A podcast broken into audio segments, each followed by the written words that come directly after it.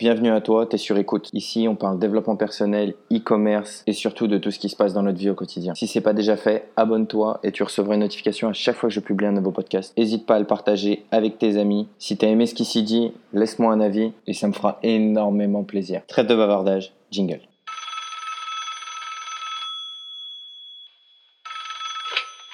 Allô, c'est toi? Quitte pas, t'es sur écoute. Maybe you should pull the fucking trigger.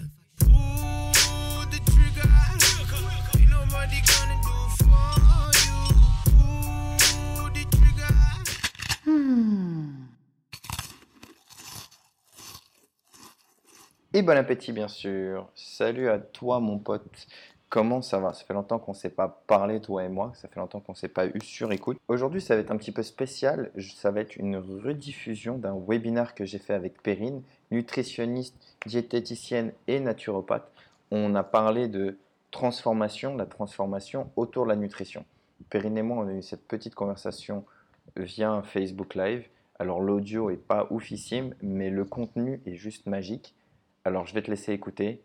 Et n'hésite pas à me recontacter sur mon Insta, at Nick Growth Designer, si tu as des questions et si tu veux que je te transmette des informations. Voilà, bonne écoute. Nous parlerons de la transformation aujourd'hui. Transformation, comment changer sa vie, comment changer son environnement et surtout comment influencer les gens autour de vous. Aujourd'hui, avec nous, il y aura Perrine. Perrine qui est diététicienne, nutritionniste, mais qui se présentera et qui nous expliquera un petit peu plus son point de vue et comment avoir un lifestyle un peu plus sain. Alors, euh, bah vas-y, présente-toi un petit peu, Perrine, pour les gens qui te, qui te connaissent pas. Alors moi je suis Perrine, je suis euh, diététicienne nutritionniste, je termine ma formation de naturopathie, je suis diplômée de l'école de l'ISMC, l'Académie à Marseille en diététique donc depuis 6 ans maintenant. Globalement qu'est-ce que je fais? Je travaille aussi en tant que conseillère en santé dans un boutique bio. Donc toute la journée je conseille des personnes qui viennent me voir avec euh, des problématiques. Donc, les mêmes que vous avez certainement vous aussi. Je coach aussi à côté des, des personnes donc, qui ont besoin de changer de vie par l'alimentation, mais aussi par le sport, parce que les deux vont de pair. Donc, en ce moment, je, je coach des personnes euh, en parallèle avec le sport et l'alimentation. Voilà. Mes champs de compétences, ben, c'est des petits ballonnements, des petits problèmes au quotidien, comme euh, j'ai la grippe, j'ai le nez qui coule. Voilà, donc c'est aussi l'alimentation, par l'alimentation qu'on va régler ces problèmes-là, et aussi des petites astuces euh, avec des plantes, etc.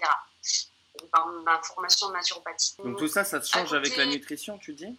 On peut, euh, on Comment donc on peut influencer tout ça, enfin tout ça est influencé par la nutrition? Tout à fait, tout à fait. En fait, selon, euh, selon ce qu'on va manger, on va être plus ou moins bien immunisé euh, contre les maux de l'hiver ou tout simplement euh, notre morale.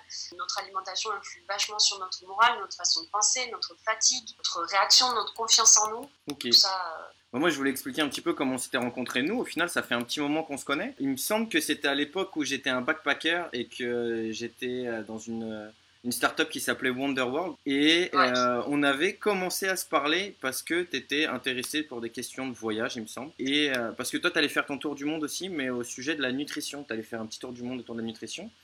On a gardé un petit peu contact, on a voyagé ensemble d'ailleurs avec euh, Thomas, qui était mon associé quand je faisais de l'e-commerce. Et euh, Ouais. Mais il n'était pas encore mon associé, on s'était retrouvé à Budapest. Et de là, on a perdu un peu contact et tu m'as recontacté en fin d'année fin d'année dernière parce que tu Ouais. étais un petit peu euh, hésitante dans, dans la suite de tes projets. Tu hésitais entre commencer de l'entrepreneuriat avec le coaching et continuer tout simplement ta, ta, ta vie de, de nutritionniste, c'est ça? Tout à fait. En fait, j'ai- fait appel à toi euh, parce que j'étais un petit peu perdue. Il fallait que je remette un petit peu de l'ordre dans tout ça. Et donc, du coup, j'ai fait appel à toi parce que j'ai vu que euh, tu avais fait du. Enfin, que tu étais coach. Ouais. Et je me suis dit, bah, ça me permettrait un petit peu de remettre de l'ordre dans tout ça, de redéfinir mes objectifs, de voir quelles sont vraiment mes valeurs et comment j'ai envie de travailler. Et en fait, aujourd'hui, euh, bah, grâce à ton coaching, euh, je j'ai pu en fait redéfinir mes objectifs et travailler en fonction de vraiment ce qui me plaît, ce que j'aime. Et du- j'ai inclus moi aussi le coaching en fait dans mes dans mes suivis nutritionnels. Et je, aujourd'hui, euh, je suis un petit peu spécialisée dans le coaching, justement. Parce que Mm. j'ai trouvé que c'était très intéressant, ça m'a appris à moi. Donc j'ai envie de partager ça euh, avec les autres et que ça les aide aussi à avancer dans leur vie, à les rendre autonomes comme j'ai pu l'être. Hmm, D'accord. Et qu'est-ce que qu'est-ce que t'en penses toi du coaching? Parce que moi, je vois que les, les gens aujourd'hui, ils savent pas vraiment ce que c'est que le coaching. quand moi, on, on vient me demander pour du coaching, parce que je suis coach en développement personnel, souvent j'ai le cas des gens qui viennent pour du coaching, mais qui en fait veulent de la thérapie, qui veulent plus du soin, euh, de l'aide. Toi, comment, Ouais. pour toi, qu'est-ce que c'est que le coaching? Comment tu vois que c'est une différence le coaching et, et par exemple être diététicienne, mais euh, on, on parlait la fois d'être un médecin diété- diététicien, tu vois? C'est quoi la différence entre Alors, le coaching et le médecin? Ouais, entre un médecin et une diététicienne? Bah, entre eux, pour toi, euh, la, façon d'aller voir un docteur ou d'aller voir un coach? En fait, le coach, ce qui m'a plu, c'est que en général, on va voir un coach parce qu'on est un petit peu perdu. Et on peut aller voir aussi un, thérapeute parce qu'on est perdu. Mais coaching en soi, c'est ce que me disent mes clients. ben, en fait, j'avance mieux quand je suis coachée parce que en fait, je suis suivie. En fait, c'est un suivi, c'est-à-dire qu'entre deux séances, on a quand même la personne qui est encore là pour nous, qui nous suit. Et en fait, souvent, on se sent. euh, Aujourd'hui, on fait diverses activités, notre travail, tout ça, mais finalement, on, on est un peu seul. Ouais. Euh, quand on veut faire des choses, des objectifs à atteindre, on est un petit peu seul avec nous-mêmes. Et en fait, euh, des fois, quand on n'a plus trop confiance en nous, ben, il manque ce côté euh, soutien euh, que j'ai trouvé avec le coaching et que je trouve ça hyper intéressant du coup dans l'alimentation, dans le sport, dans notre vie en général, parce que euh, ben, justement c'est un, soutien important. Moi, c'est plutôt pour le soutien que je l'ai vu et euh, le- les petites astuces que tu donnes, notamment euh, en- fait tu nous permets à nous-mêmes de, retrouver notre propre confiance en nous, notre autonomie. Notamment, j'ai bien aimé les petites séances d'hypnose, tout ça, parce qu'en fait, on a les réponses au fond de nous, mais ces techniques-là permettent de les ressortir, en fait, et on- on regagne la confiance en nous automatiquement et on avance, Ouais, moi c'est ce que, c'est ce que j'aime beaucoup aussi, c'est ce que je dis en général quand tu vas voir un thérapeute ou que tu vas voir un docteur. Par rapport à moi quand je fais du coaching, j'essaie de donner le soutien et je donne toujours mon email ou mon WhatsApp où les gens savent qu'ils peuvent me contacter n'importe quand sur Facebook et, Ouais. et que, et que je continue en fait, c'est, du soutien. Et du coup, bah toi, vu que tu as été coaché par moi, ça a été quoi vraiment ton, ton expérience, ton ressenti quand tu es venu, c'est ce qu'on disait tout à l'heure, c'est que tu hésitais un petit peu entre être entrepreneuse ou rester nutritionniste, diététicienne. Et naturopathe, d'ailleurs, tu disais que tu, tu faisais des études pour, pour devenir naturopathe. Qu'est-ce Ouais. qu'est-ce- qu'est-ce qui t'a, qu'est-ce que ça t'a apporté, le coaching? Bah, ça m'a apporté euh, de la confiance en moi, comme Ouais. je l'ai dit. L'impression que, en fait, j'ai les réponses en moi, je, je- je me suffis toute seule et, et je pense que les gens, quand eux, ils vont voir, euh, pour l'avoir expérimenté avant d'être diététicienne, je suis allée voir moi-même des thérapeutes et des diététiciennes et en fait, ben, on nous délivre finalement une feuille, bon, selon la personne qui est plus ou moins consciencieuse ou pas dans son métier, ben, où c'est simplement écrit, on dit, ben voilà, euh, rendez-vous la prochaine fois, faites ça chez vous et démerdez-vous. Moi, je suis pas du tout d'accord parce que euh, on est tous différents, on a tous besoin d'un soutien, alors plus ou moins important. Et euh, justement, le fait de coacher, ben, on a ce feedback-là, ce retour tout de suite euh, qui est instantané parce que on dit, ben voilà, euh, j'ai lu ton programme euh, nutritionnel, j'ai vu ta feuille, mais j'arrive pas à faire ça. Est-ce que tu peux m'aider? Donc après, moi, j'ai entre deux séances, j'ai un soutien euh, téléphonique, euh, numérique, donc message, mail, on peut trouver euh, via ces réseaux-là, où ben, je réponds à des questions instantanément. C'est pas que le jour de la séance. Bon, du coup, on va quand même parler un peu nutrition parce que c'est le sujet du jour.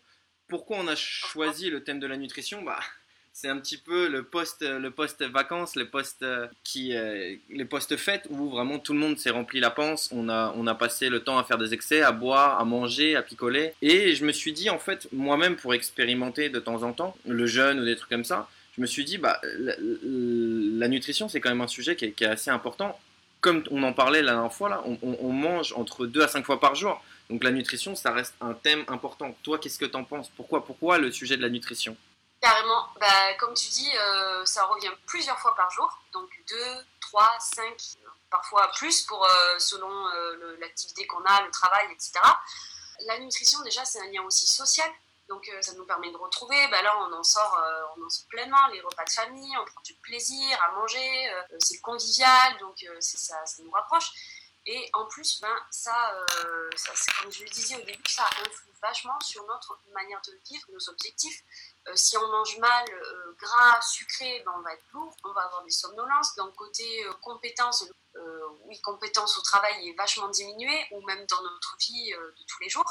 Par contre, si on va avoir une alimentation assez vivante, riche en fruits et légumes, euh, etc., ben, avec des vitamines, des minéraux, on va, on va être moins fatigué, donc euh, on va avoir plus cette capacité-là à, à pouvoir euh, répondre à, à nos objectifs et à, à nos tâches quotidiennes. La nutrition, donc c'est en quoi c'est important? Les désagréments au quotidien, donc tu disais, ça, ça influe un peu sur le caractère, ça influe un peu sur... Ça influe sur notre personnalité. Par exemple, voilà, quand j'ai commencé le travail, j'ai assez restais stressée et en fait, euh, euh, l'alimentation, euh, elle n'était pas spécialement adaptée et j'étais euh, souvent aigrie, grognon, très fatiguée le soir dès que je rentrais. Ouais. Et en fait, j'ai changé un petit peu mon alimentation. Et cette année, bah, j'ai une meilleure humeur, une capacité à, à- à- à sourire plus facilement, voilà, être plus joyeuse au quotidien. Donc après, euh, faut pas tomber non plus dans l'excès de manger euh, de la salade parce que bah, du coup, il va nous manquer aussi plein de nutriments.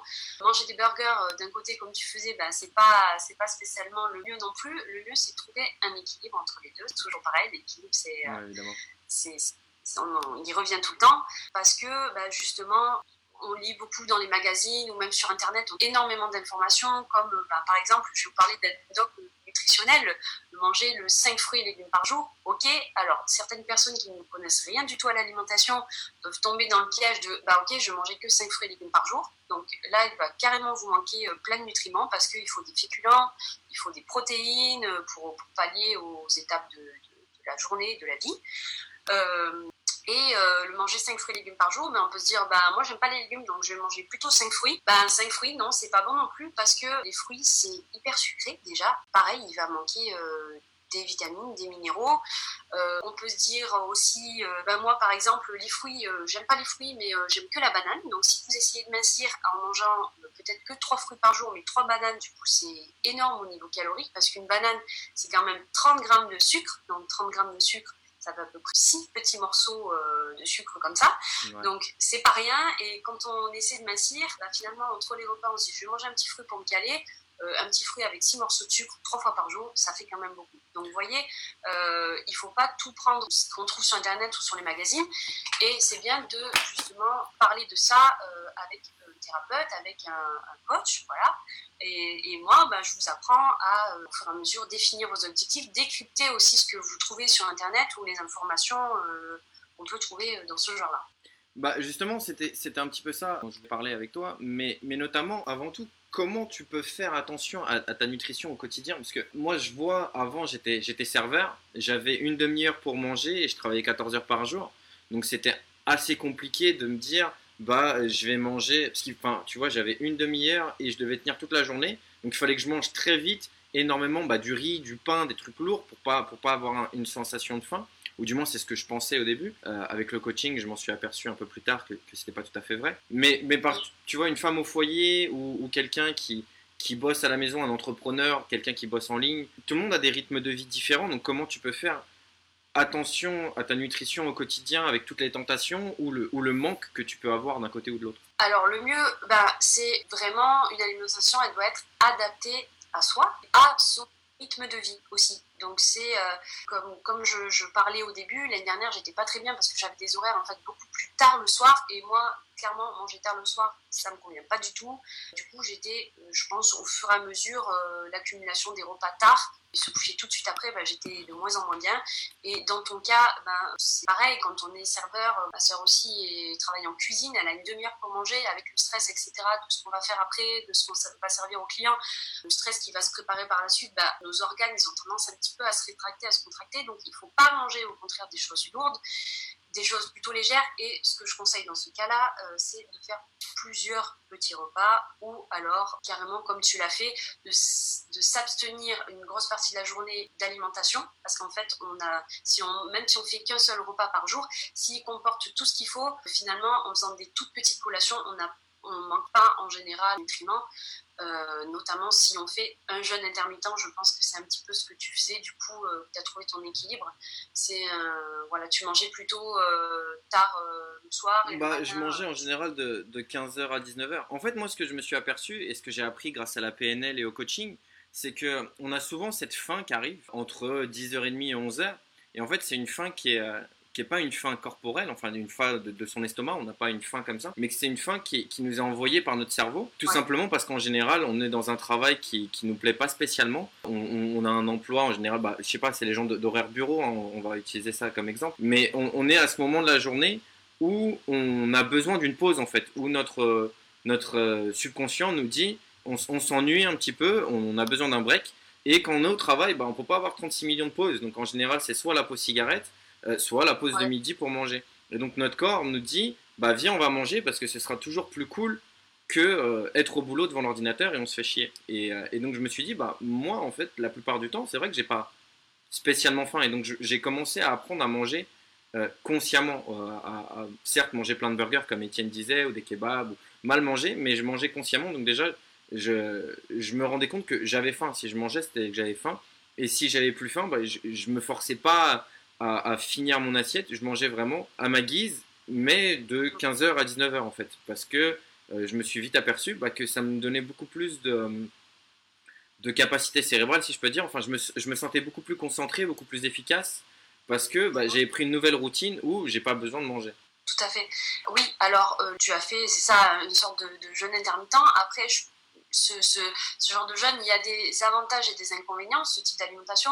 Nicolas a trouvé son, rythme euh, justement avec ce type d'alimentation. Je tiens à préciser qu'elle ne convient pas à tout le monde. Et encore une fois, il faut se euh, référencer ou, aller voir euh, des thérapeutes ou des, des, des coachs, voilà, vraiment pour, définir ce qui semble bon pour vous, parce que, ben, par exemple, moi, ce type d'alimentation-là, à ces heures-ci, ne me convient pas, absolument pas. Voilà, donc lui, c'était en fonction de son travail à lui, et, effectivement, un apport alimentaire dans ces horaires-là, le reste de la journée, son corps pouvait largement pallier, parce qu'aujourd'hui, je vous rappelle qu'on n'a pas non plus un travail comme euh, avaient euh, nos, ancêtres, euh, nous qui descendons du singe, ils étaient toute la journée dehors à braver le froid, à braver le danger, à braver ces Donc c'est vrai qu'ils avaient un autre rythme alimentaire.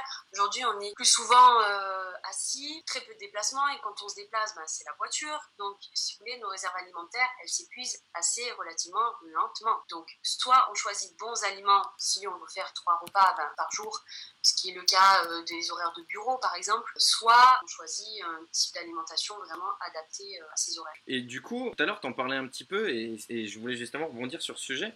Il y a vraiment un gros, gros mythe qui est si je mange des fruits en général, bah, de, de l'orange. Je regardais une vidéo justement sur ton profil et d'une nutritionniste qui, qui parlait de ça et qui disait que bah, on, on- souvent on fait le petit déj avec du sucré et on nous dit bah, manger une orange ou manger des bananes, donc tu utilisais ça comme exemple, ou des kiwis. Et qu'en fait, si je faisais une diète comme ça, là, si tout d'un coup j'ai envie de manger que des fruits, je vais faire des smoothies, euh, je vais manger euh, euh, des salades de fruits et tout ça, et ben, je, vais, je vais maigrir ou je serai euh, plus en forme. Alors, euh, là encore, il y a un petit peu euh, tout et n'importe quoi. Il y a à boire et à manger, euh, Ouais. c'est le cas de le dire. En fait, euh, ça peut être bien dans le cas euh, si on veut faire un petit peu des détox sur euh, quelques heures ou une journée ou même trois jours. Mais après, s'alimenter comme ça et faire des petits déj régulièrement comme ça parce qu'on pense qu'on pallie à ses besoins.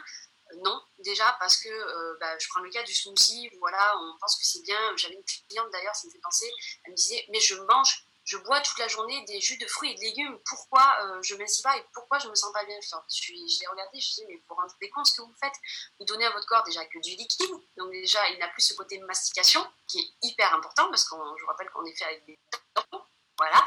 Et en plus, euh, bah, quand le fruit n'est plus sous sa forme naturelle, donc broyé, euh, il reste les fibres sont déjà cassées et du coup le, taux de sucre augmente vachement dans le sang. Donc là on a des pics glycémiques de fou. Donc une concentration bah, beaucoup moins efficiente et en plus c'est que du sucre. Passe rapidement dans le sang. Voilà, un smoothie peut être euh, deux fois voire trois fois plus calorique que manger le fruit euh, naturel. Donc les jus de fruits, on évite. Vous savez, dans un verre de jus d'orange, il peut y avoir une vingtaine de sucres, parfois même plus qu'un soda, parfois 4 à 5 oranges pressées, si le jus fait plus ou moins 200 à 300 millilitres. Donc parfois on aime bien avoir un grand verre de jus. Et parfois 5-6 oranges. Bah, déjà, essayez de manger 5-6 oranges, vous verrez, ça va être plus difficile. Ouais, ouais, c'est assez, c'est assez écœurant. Et, et, donc, du coup, tu me disais la dernière fois que quand, quand on buvait pour le coup des, des, smoothies, le fait de le mixer ou de le blinder, on perdait un petit peu les valeurs nutritionnelles, genre le, les vitamines et tout ça? Oui, oui, alors déjà, il faut le mieux, si on veut se presser un ou deux fruits, bah, on se le presse deux oranges minutes, ouais. à la rigueur. Mais euh, c'est vrai que déjà, le préparer à, à l'avance, enfin, c'est pas une bonne idée parce que euh, les vitamines s'en vont au fur et à mesure, euh, elles s'oxydent en fait, donc euh, c'est pas bon de le préparer à l'avance effectivement, euh, le blender, déjà, selon ce qu'on a, la, machine peut chauffer le, les, les, vitamines, les nutriments, donc on perd en qualité. Le mieux, c'est d'avoir une alimentation la moins transformée, même si c'est euh, mixé des jus de fruits, et la plus naturelle possible. Et donc, si j'ai envie vraiment de faire un peu plus attention à ma ligne, et donc sans manger, partir dans l'abus à ne manger que, que de la salade, que des fruits, que des trucs comme ça. Qu'est-ce que, qu'est-ce que tu me suggérerais, moi, hormis, hormis le jeûne? Parce que moi, en fait, je me suis retourné vers le jeûne. Enfin, j'ai, j'ai lu beaucoup de bénéfices et je, je les ai, je les ai sentis aussi, comme je te disais.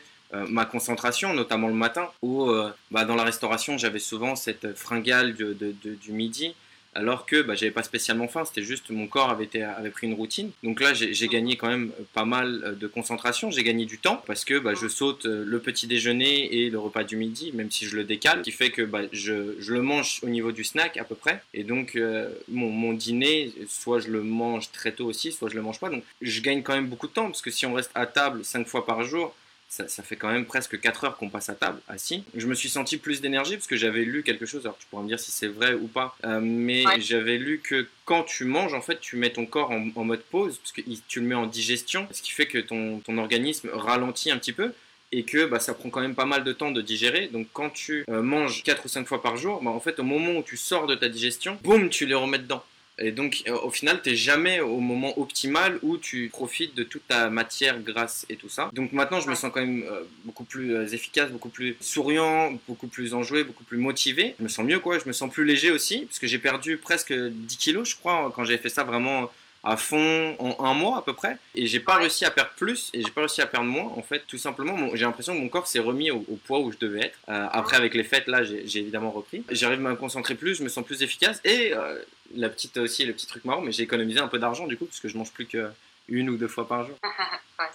Ta question, c'est? Alors bah, la question c'était est-ce que déjà c'est vrai que quand on mange cinq fois par jour on se met plus ou moins dans un mode pâteau en fait le- la, la personne un peu canapé parce que on on n'arrive pas à utiliser vraiment euh, l'énergie qu'on ingère en fait Ouais, si on choisit cette alimentation très courante, donc des trois repas par jour, voire quatre avec une petite collation l'après-midi, on a tendance à faire, du coup, on se dit, bah, j'ai trois repas, donc on essaie de mettre le maximum de nutriments dans ces trois repas, et parfois, bah, ils sont un petit peu trop copieux, il y a un petit peu trop de choses au même repas, donc on peut se sentir lourd. C'est la raison pour laquelle toi, tu te sens mieux en faisant finalement qu'un seul repas, euh, et le reste de la journée, ben, tu finalement le temps de bien digérer et de bien utiliser euh, les nutriments que tu as apportés en un seul repas.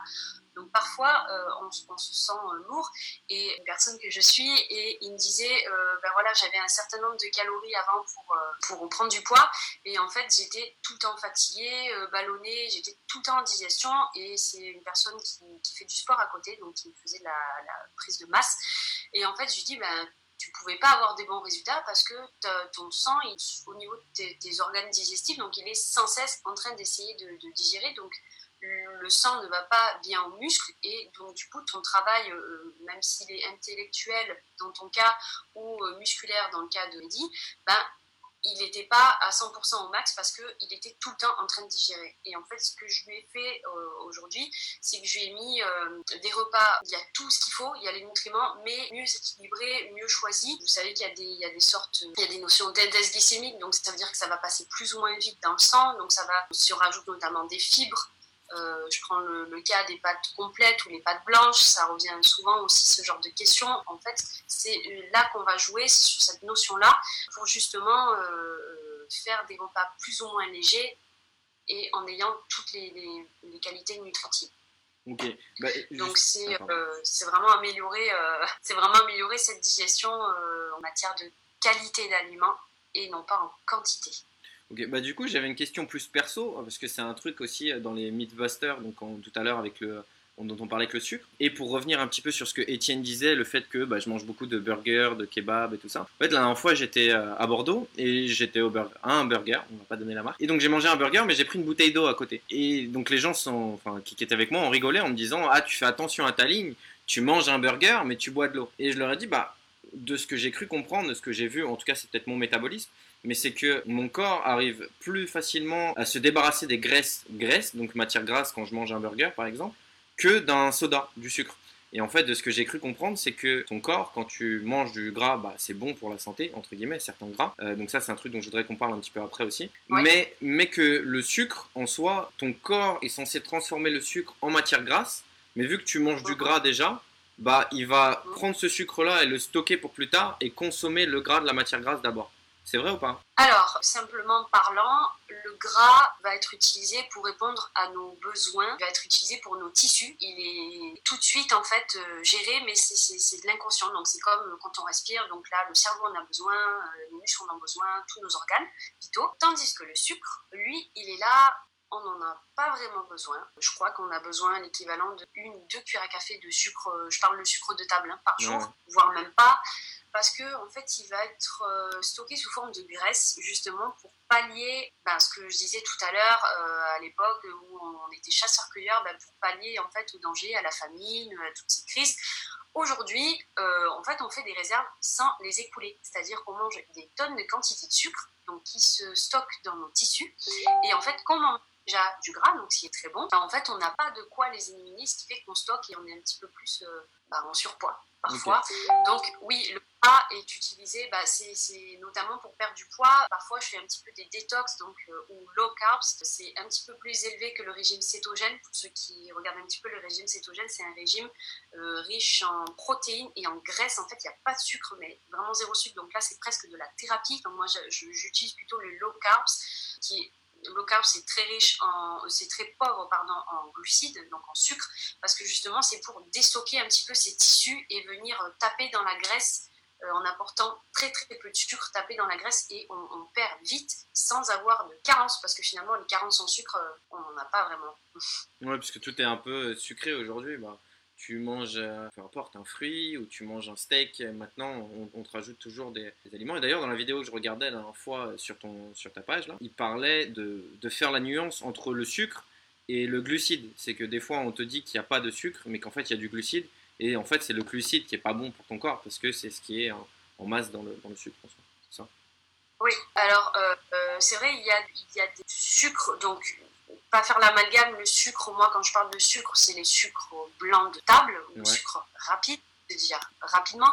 Par contre, les glucides sont des choses vitales, on en a besoin, notamment pour le cerveau. Donc c'est pour ça que le low carb, il y a toujours un petit peu de glucides, donc ça va être peut-être euh, une tranche de pain dans la journée, ou c'est vraiment très très bas en calories, donc je ne conseille pas à tout le monde non plus, mais je vous dis un petit peu euh, ce qu'on fait aussi pour perdre du poids.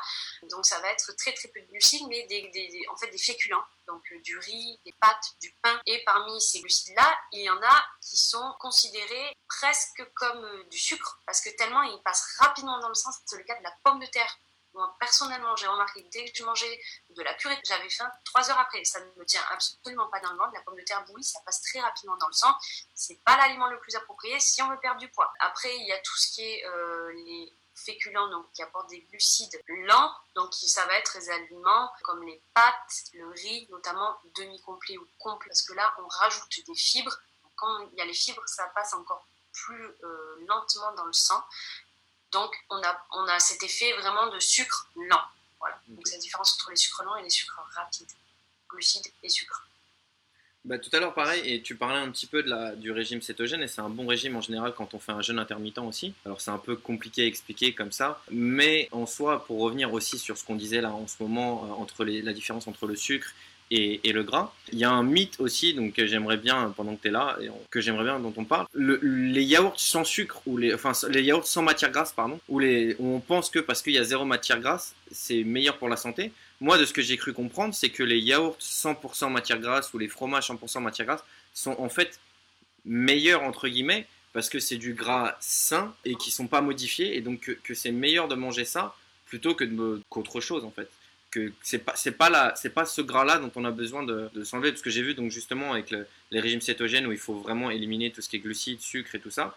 On te conseille de vraiment manger bah, des yaourts gras, euh, de manger du beurre, de manger de l'huile de coco, euh, manger des, des, ya- des yaourts 100% gras, des fromages 100% gras. Pourquoi il y a ce mythe un petit peu de, des 0% et de tout ça? Alors, euh, justement, parce que bah, le commerce l'a bien compris, croit qu'on est un petit peu bête, et que du coup, en mangeant euh, sans sucre, bah, euh, ça va être mieux pour la santé. Alors oui, c'est mieux, mais du coup, dans les aliments riches en matière grasse, par exemple les yaourts au lait entier, tous ces produits laitiers au lait entier, bah, justement, comme ils sont moins transformés, on n'a pas retiré la matière grasse, ils sont mieux à assimiler, et surtout, ils, sont, ils vont pas nous faire grossir. Ce ne sont pas eux qui nous font grossir, c'est vraiment le sucre. Ça, il faut idée de la tête. Ce n'est pas le gras qui fait grossir, c'est le sucre. Et encore une fois, l'association de sucre et gras. Là, c'est le plus euh, nocif. Voilà, donc en fait, le, le- le 100%, euh, enfin le 0% de matière grasse, c'est pour moi une grosse connerie euh, commerciale. Je sais pas, une- voilà, commercialement, c'est très intelligent pour le coup. Parce qu'on on te vend du rêve Oui. en te faisant croire que ce sera mieux, mais commercialement, c'est très très intelligent. C'est juste que euh, pour le consommateur, c'est un petit peu. euh, c'est du trompe-l'œil bah, ça nous fait consommer plus parce qu'en fait euh, c'est un petit peu du vent ce qu'il y a dedans, c'est-à-dire qu'il n'y a rien, ça ne nous tient pas au corps, donc on va en racheter, on va en consommer plus. Donc oui, c'est intelligent pour eux, mais on n'est pas si bête que ça, on ne tombe pas, on tombe plus dans ce piège-là, prendre des aliments, rien d'allégé, vraiment le plus brut possible, c'est le mieux pour l'organisme. Voilà. Ok, nice. Bah, du coup, là maintenant qu'on a, on a un peu parlé de tout comme ça, de, du sucré, du gras, du jeûne, toi, si tu avais vraiment trois astuces, Ouais, alors euh, j'ai souvent le cas euh, petit déjeuner qui est un petit peu la bête noire, se lever plus tôt, se lever pas plus tôt, bien manger. ne alors pas moi j'ai la technique, je le prends pas. tu le prends pas. Euh, voilà, donc c'est quelque chose qui revient souvent. On peut prendre un petit déjeuner sans pour autant se lever beaucoup plus tôt. L'astuce, c'est de le préparer la veille. Donc, je vais vous donner une petite recette euh, de petit déjeuner à tester, donc qui est, euh, assez équilibrée, qui comporte, euh, on va voir, tout ce dont l'organisme a besoin. Donc, comment on fait? Ben, On prépare son, petit déjeuner la veille et ensuite le, matin, ben, si on est plus ou moins gourmand, on se dit Hum, ben, j'ai bien travaillé hier soir, je vais, apprécier ce succulent petit déjeuner que je me suis préparé. On, a, on se lève du bon pied, on a plus envie de se lever et euh, on n'a plus qu'à mettre les pieds sous la table, aller au frigo et sortir son petit déjeuner. Alors, par exemple, qu'est-ce que c'est? Euh, S'il y en a qui connaissent, donc là, je, je suis là aussi pour partager un petit peu des recettes originales, donc à tester ou pas. Euh, c'est un porridge crémeux aux graines de chia, ou kia, ça se prononce. Je sais pas, c'est un peu l'aliment en vogue et en fait, il est très très bon pour la santé. Donc, Pourquoi? il se compose de. Pourquoi il est bon pour la santé? Alors, pourquoi il est bon pour la santé? Notamment pour le matin, parce que les graines de chat, eh oui, elles sont, euh, le matin, on est fait pour digérer, donc là, c'est un petit peu de la chrononutrition. Le matin, on est fait pour digérer euh, les aliments gras et protéinés. Et les graines de chat, c'est ce qu'elles euh, comportent, du gras et des protéines, notamment des oméga 3. Alors, c'est en petite quantité, forcément, parce que bah, c'est des toutes petites graines, et on va en utiliser quelques grammes, donc 30 grammes ou 25 grammes ici pour la recette. Euh, la recette, c'est une cuillère à soupe rase de sirop d'agave ou de sirop de sucre de coco. En fait, on mélange, euh, donc il y a du lait végétal ou euh, de vache pour ceux qui aiment le lait de vache, de l'extrait de vanille, des graines de chia et pour le fruit, j'ai choisi la banane parce que c'est celle qui tient, malgré ce que j'ai dit tout à l'heure, c'est celle qui tient bien corps et du coup le matin euh, bah, ça va être notre glucide euh, avec un petit peu des amandes et des noix pour apporter renforcer un petit peu ce côté gras. Donc on mélange tous les ingrédients et en fait c'est un pudding qui se déguste frais et en mélangeant tout on balance le tout au frais. Le lendemain ça fait euh, vraiment un peu une crème ou un yaourt au pain de chat qui est très bon. Voilà donc on partagera la recette. Ok, la nice. astuce. Et du coup, astuce. justement, pour en revenir sur ce que tu disais tout à l'heure, si tu prépares ton petit déjeuner la veille et que tu le coupes, bah, par exemple ta banane, si tu la coupes, tu vas perdre tes trucs. Donc la banane, en général, on- tu, tu la prépares dernière minute. Tu prépares ton bol le- la veille, c'est ce que tu dis. Ouais. Mais la banane, tu la coupes dernière minute, c'est ça? C'est le mieux, c'est le mieux, euh, c'est le mieux parce que comme ça on perd le moins de nutriments possible. Après, euh, la banane c'est pas un fruit qui est trop trop riche en vitamine C, c'est un fruit amylacé, donc il, il en fait il est entre les, les glucides et le fruit. Donc euh, c'est vraiment, on- on- c'est dommage de couper les fruits euh, au dernier moment, enfin longtemps à l'avance si c'est une orange ou un kiwi, on, on remarque qu'il s'oxyde vite. Après c'est vrai que la banane elle peut noircir. Là, c'est vrai que c'est mieux de le, de le mettre au dernier moment, de, de le mélanger euh, d'un moment euh, plutôt que la veille. Ah bah tiens, Dans question. ce cas-là. Une question justement, on dit souvent que les bananes, à partir du moment où elles deviennent noires, elles sont meilleures. Est-ce que c'est vrai? Est-ce que c'est faux? Est-ce que c'est un goût? Alors, meilleur, meilleur pour qui Meilleur pour quoi? Meilleur en goût peut-être pour certains, parce que Ouais. euh, c'est toujours pareil, se référer à, à qui ou à quoi. Euh, souvent, les clients me disent on dit que, je dis mais c'est qui le on? Et euh, voilà, donc la, la banane, quand elle, est, quand elle est noire, en fait, au plus elle a des taches, au plus elle va être sucrée, donc riche en, en glucides, donc mûre, au plus elle aura donc du coup ce goût sucré et ce- son, son- sa valeur calorique augmente vachement par rapport à une banane un peu moins mûre. Ça, c'est vrai. Et elle va tenir un petit peu moins au corps si elle est sucrée. Ok. Là, bon, bah, si s'il y a des papilles sucrées euh, dans le coin, bah, soit euh, vous la choisissez avec un petit peu, un petit peu de tâche, mais pas trop, parce que c'est vrai que sinon vous allez avoir faim euh, assez rapidement. Ok, nice. Pour les vegans ou les végétariens, ingrédients à conseiller particulièrement riches en protéines. Toi, Perrine, qu'est-ce que tu lui répondrais Donc, pour les vegans végétariens, ingrédients à conseiller particulièrement riches en protéines ou ingrédients à conseiller en général, j'imagine. Yes. Alors, c'est vrai que j'ai souvent euh, ce, cas de figure, notamment les deux dernières personnes que j'ai coachées euh, qui faisaient une prise de masse, elles étaient, tendaient à devenir végétariennes, voire végétaliennes, donc c'est quelque chose qui revient souvent et auquel je travaille de plus en plus en ce moment, euh, de par des livres, tout ça. Donc oui, les protéines sont importantes, elles sont importantes qu'elles soient végétales ou animales, donc les animales sont beaucoup mieux assimilées. Ce que je dis à mon client, c'est que les végétales, il faut en multiplier la source pour avoir euh, le plus d'acides aminés possible, parce que dans les végétaux, parfois il y a un, voire plusieurs acides aminés manquants. Les acides aminés, c'est des puzzles, c'est- comme on construit euh, un Lego, voilà, des Lego.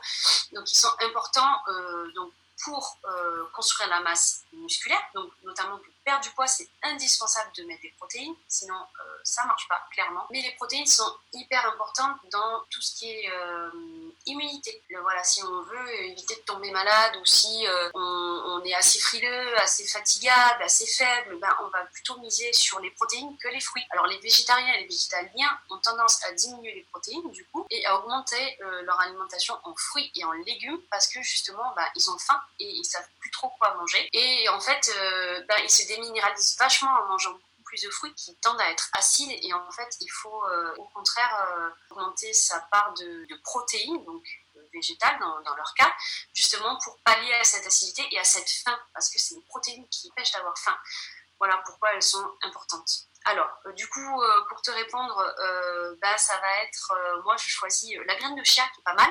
Donc on peut aussi la saupoudrer sur les salades. En fait, elle, va se gonfler au contact d'un liquide, donc elle va faire une petite bille un peu gélatineuse. Et le deuxième aliment que j'aime beaucoup, beaucoup utiliser, c'est les graines de chanvre. C'est le chanvre, donc qui est hyper bon. Je l'ai fait découvert euh, là Mehdi, euh, mon client, que je parlais tout à l'heure. Il adore ça, donc il en met un petit peu partout. C'est, euh, voilà, on peut les trouver décortiqués ou non, et on peut les saupoudrer aussi sur du sucré que sur du salé, dans des soupes. Enfin, moi, je mets assez partout. Je me suis même fait un lait avec un lait de chanvre, donc c'est riche en protéines. C'est super.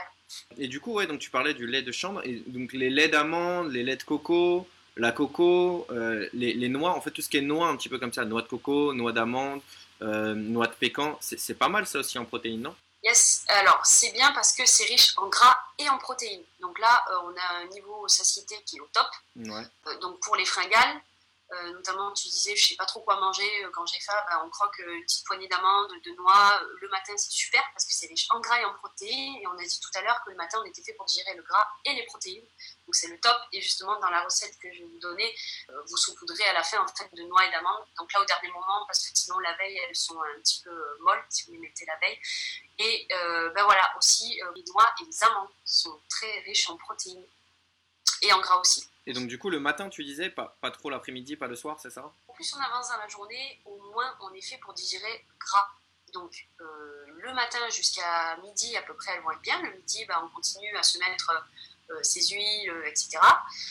Par contre l'après-midi, l'organisme est vraiment fait pour digérer les sucres, donc les fruits. Donc on va faire une collation à base de fruits. On peut rajouter quelques amandes. Moi il m'arrive de rajouter quelques amandes, mais pas à profusion. Sinon bah, les gens vont avoir moins faim le soir et en plus euh, bah, c'est pas le meilleur moment pour digérer le gras.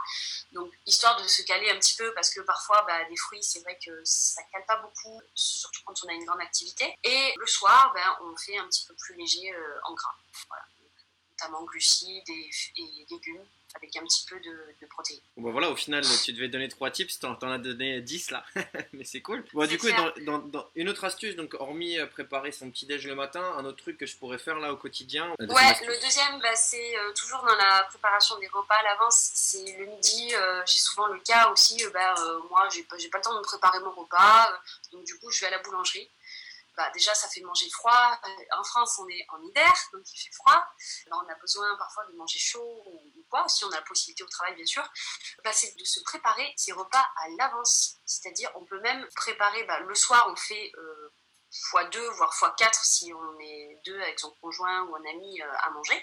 Donc, on, fait, on double les quantités prévues toute façon, on avait déjà prévu de cuisiner, donc c'est fait, autant cuisiner en plus grande quantité. Donc on met soit dans des tupperwares que l'on met au frais, soit on peut même congeler des portions dans des sacs congélation et ressortir son plat euh, congelé euh, tel quel. C'est- Ça, c'est une très bonne astuce. Et du coup, il n'y a plus d'excuses pour ne pas manger un plat maison le midi. Et donc du coup, euh, là, dans ce qu'on disait tout à l'heure, encore une fois pour la banane pour le petit déjeuner, donc si je prépare mes, aliments la, veille et que je les congèle ou un truc comme ça, je perds pas justement des valeurs nutritionnelles ou nutritives.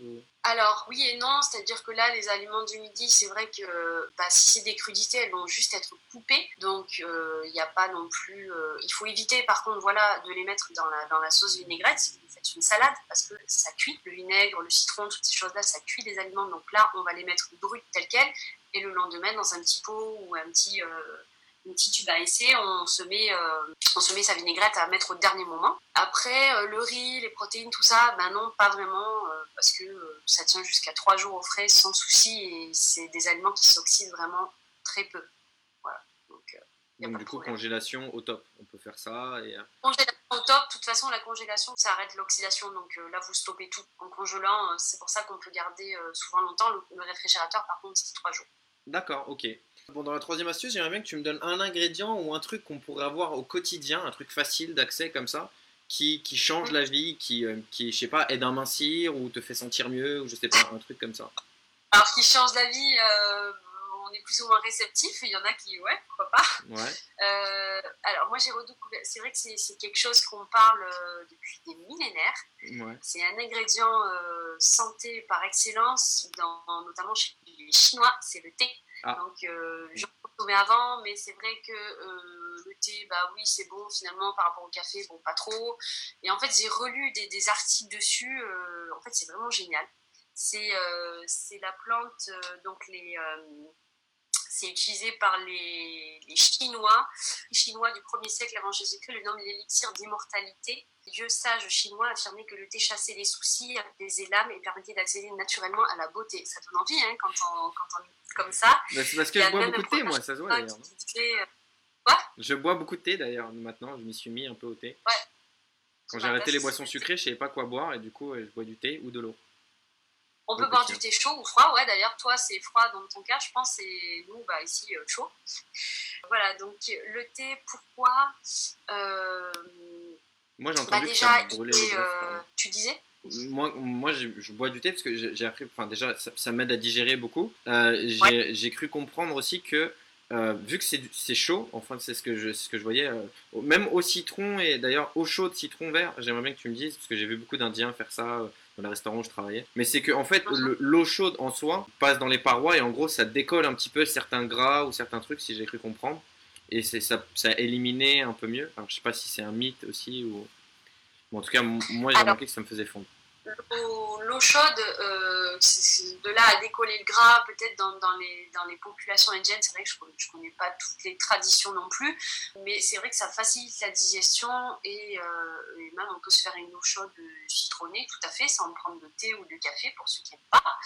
Mais c'est vrai que euh, c'est pas mal et en plus ça, euh, je crois que ça détruit pas mal de micro-organismes qui qui se trouveraient dans l'eau. Par exemple, si on n'a pas une eau très potable, c'est vrai que bah, souvent on la fait bouillir carrément et après on va boire un petit peu tiédi, tout à fait. Donc les vertus du thé, pour en revenir, c'est principalement, comme tu disais, la digestion. C'est un bon digestif. Il vaut mieux euh, prendre une bonne tasse de thé après un repas copieux, notamment après les fêtes, plutôt qu'un café.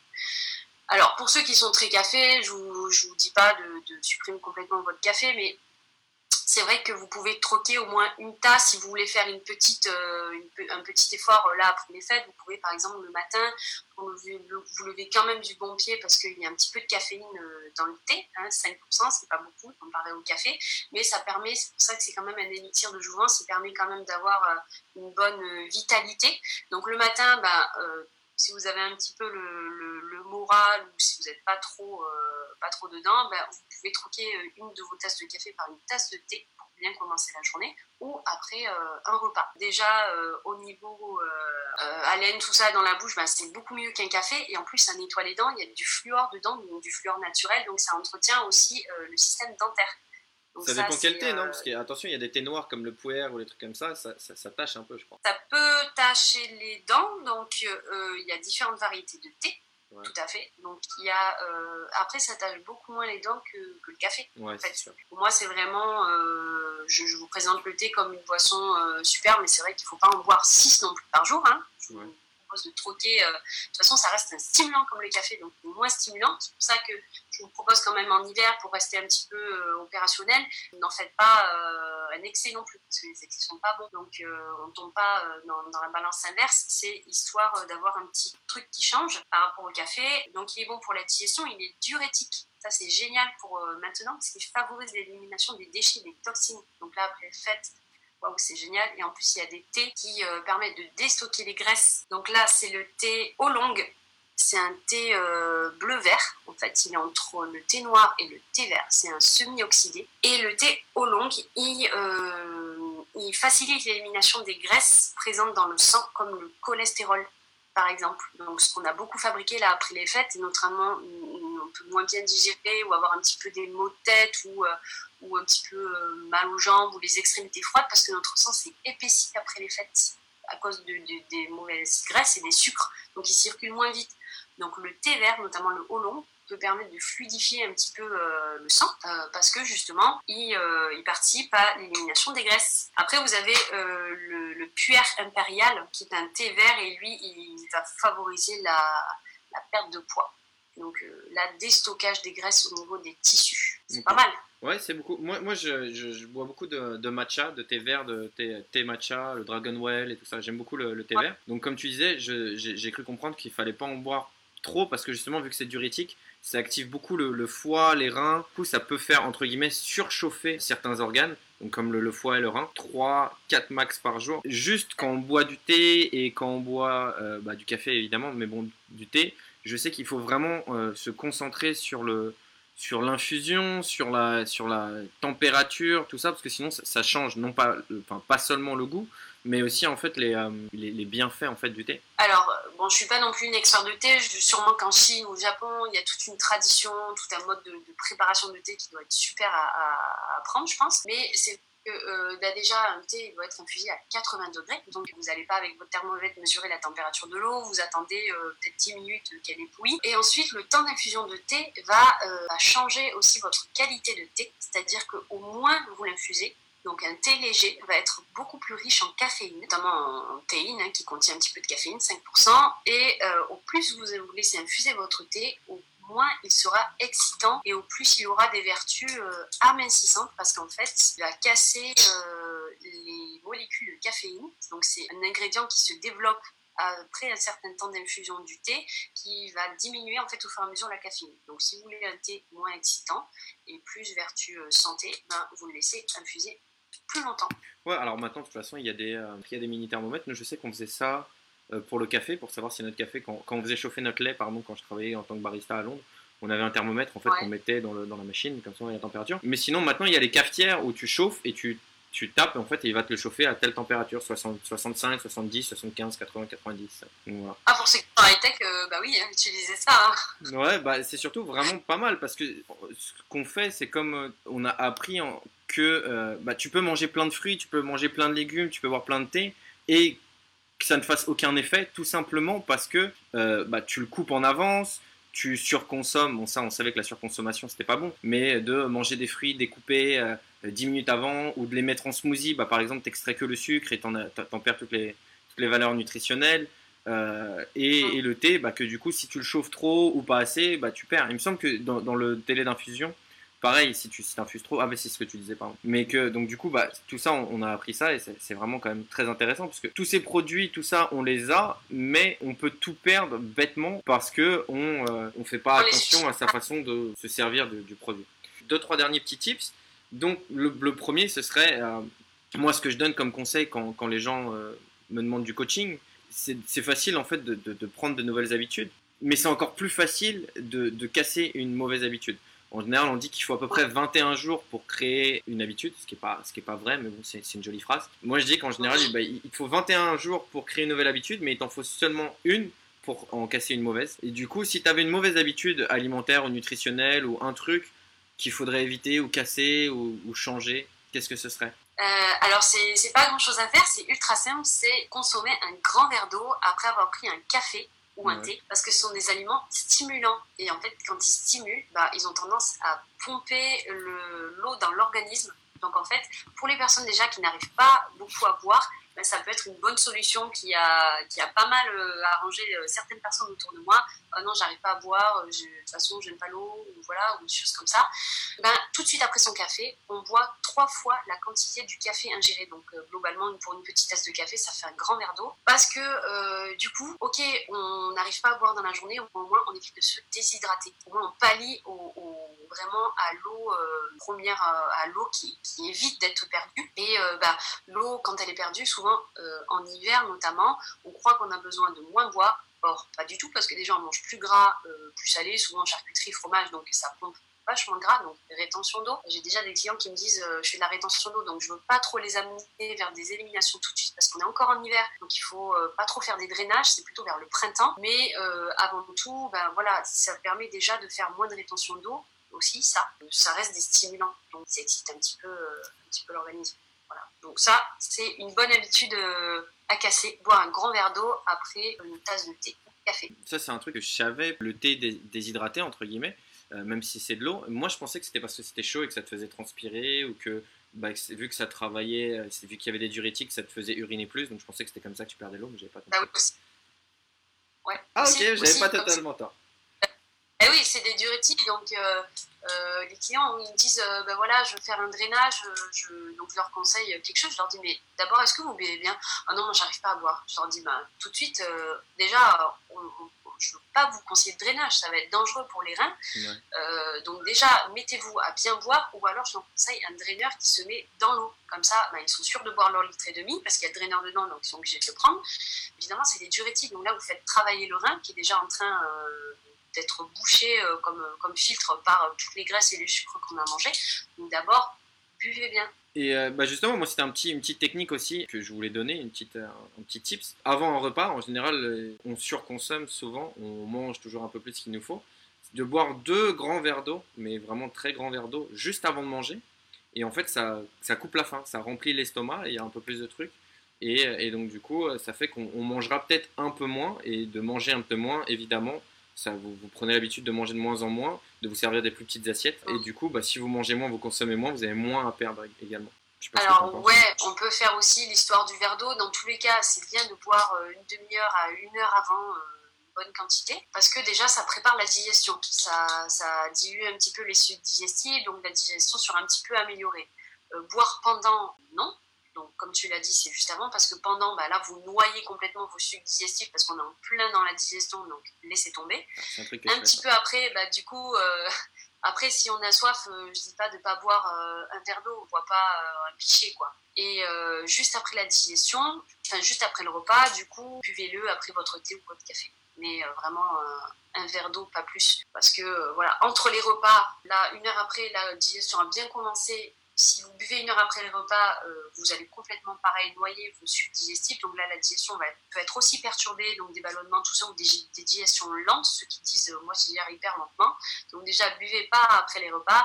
Ça, si vous avez hyper soif, c'est peut-être que vous avez pris des aliments trop salés, de la pizza, des charcuteries, du fromage. Donc là, c'est possible. Mais voilà, boire un grand verre d'eau avant, euh, une demi-heure avant, pourquoi pas. Pourquoi pas Après, je préfère le, faire le travail de euh, consciemment, je prends, euh, je prends conscience de réduire euh, mon assiette moi-même et je me cache pas derrière euh, des verres d'eau, des machins.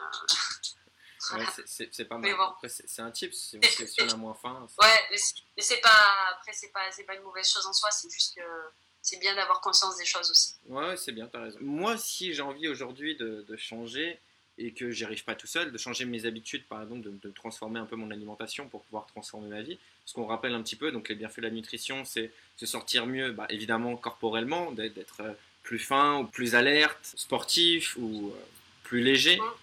Mais c'est aussi, bah, il me semble que ça influe beaucoup sur la perte de cheveux, ça influe beaucoup sur, euh, sur la bonne humeur, sur, euh, euh, sur la santé, sur la vue. Si on mange trop sucré, trop salé, je sais plus trop quoi, le diabète, le diabète, ça, ça fait qu'on perd la vue. Donc si je veux transformer ma vie, je veux transformer euh, mon corps, je je veux tout, tout, tout, tout transformer.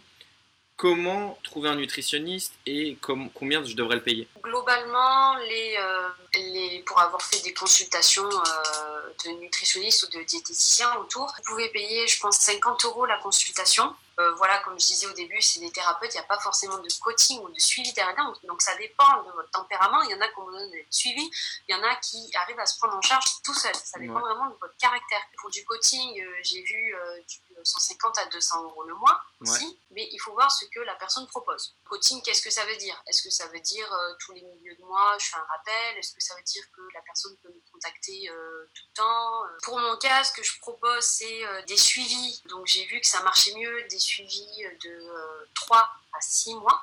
Alors, pourquoi des suivis? Parce que à la séance, déjà, on ne sait pas si la personne a suivi bien les choses parce qu'on ne peut pas la revoir derrière. On ne sait pas ce qu'elle a bien fait ou pas. Et parfois, elle peut croire que, euh, que le régime n'était pas adapté. Alors oui, c'est possible. C'est pour ça qu'avec du coaching, c'est bien parce qu'on peut se rappeler derrière et dire, ah bah attends, euh, ça, ça me convient pas. euh, Moi, j'arrive pas à manger tel aliment ou j'aime pas. Donc, qu'est-ce que je peux remplacer? Donc, c'est pour ça que du coaching, c'est bien. C'est un suivi. Donc, on peut échanger. On repart pas avec sa feuille en disant, bon, bah maintenant, je vais faire ça. Et puis, bah, si ça me convient pas, ben, je pourrais pas la rappeler ou je pourrais pas la revoir. voilà.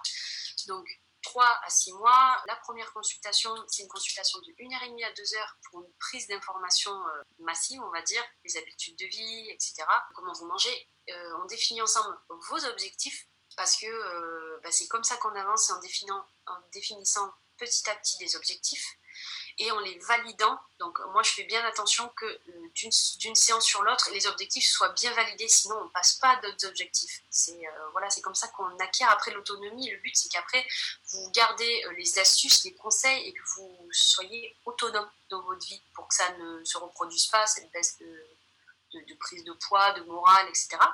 Donc le suivi nutritionnel de trois mois, il y a une première séance et après deux bilans de suivi. Et six mois, du coup, il y a une euh, première séance et ensuite cinq autres euh, bilans de suivi.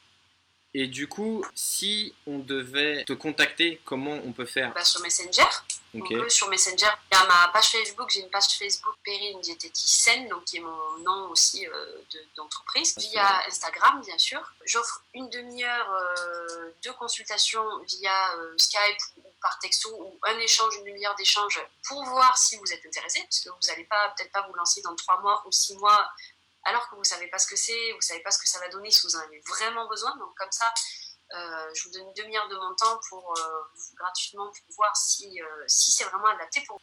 Bon bah voilà, merci à tous, merci d'être venus. Si vous avez des questions, n'hésitez pas directement à parler à Perrine ou de me poser des questions et je transmettrai à Perrine. Et sur ce, bah, bonne continuation à tous, mangez bien. On rappellera que mieux vaut manger gras que sucré, mieux vaut préparer vos aliments la veille, sauf les fruits, mieux vaut les consommer tels qu'ils sont et ne pas trop les modifier.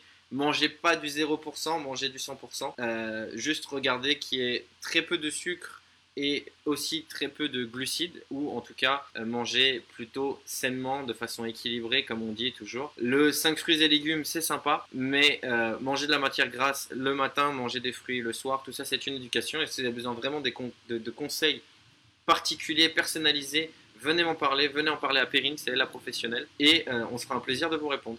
Voilà. Salut Boum Et voilà, ce podcast est fini. J'espère que tu as retenu un maximum d'informations. N'hésite pas à venir me parler sur mon Insta, at Nick Growth Designer, Growth, G-R-O-W-T-H, croissance en anglais.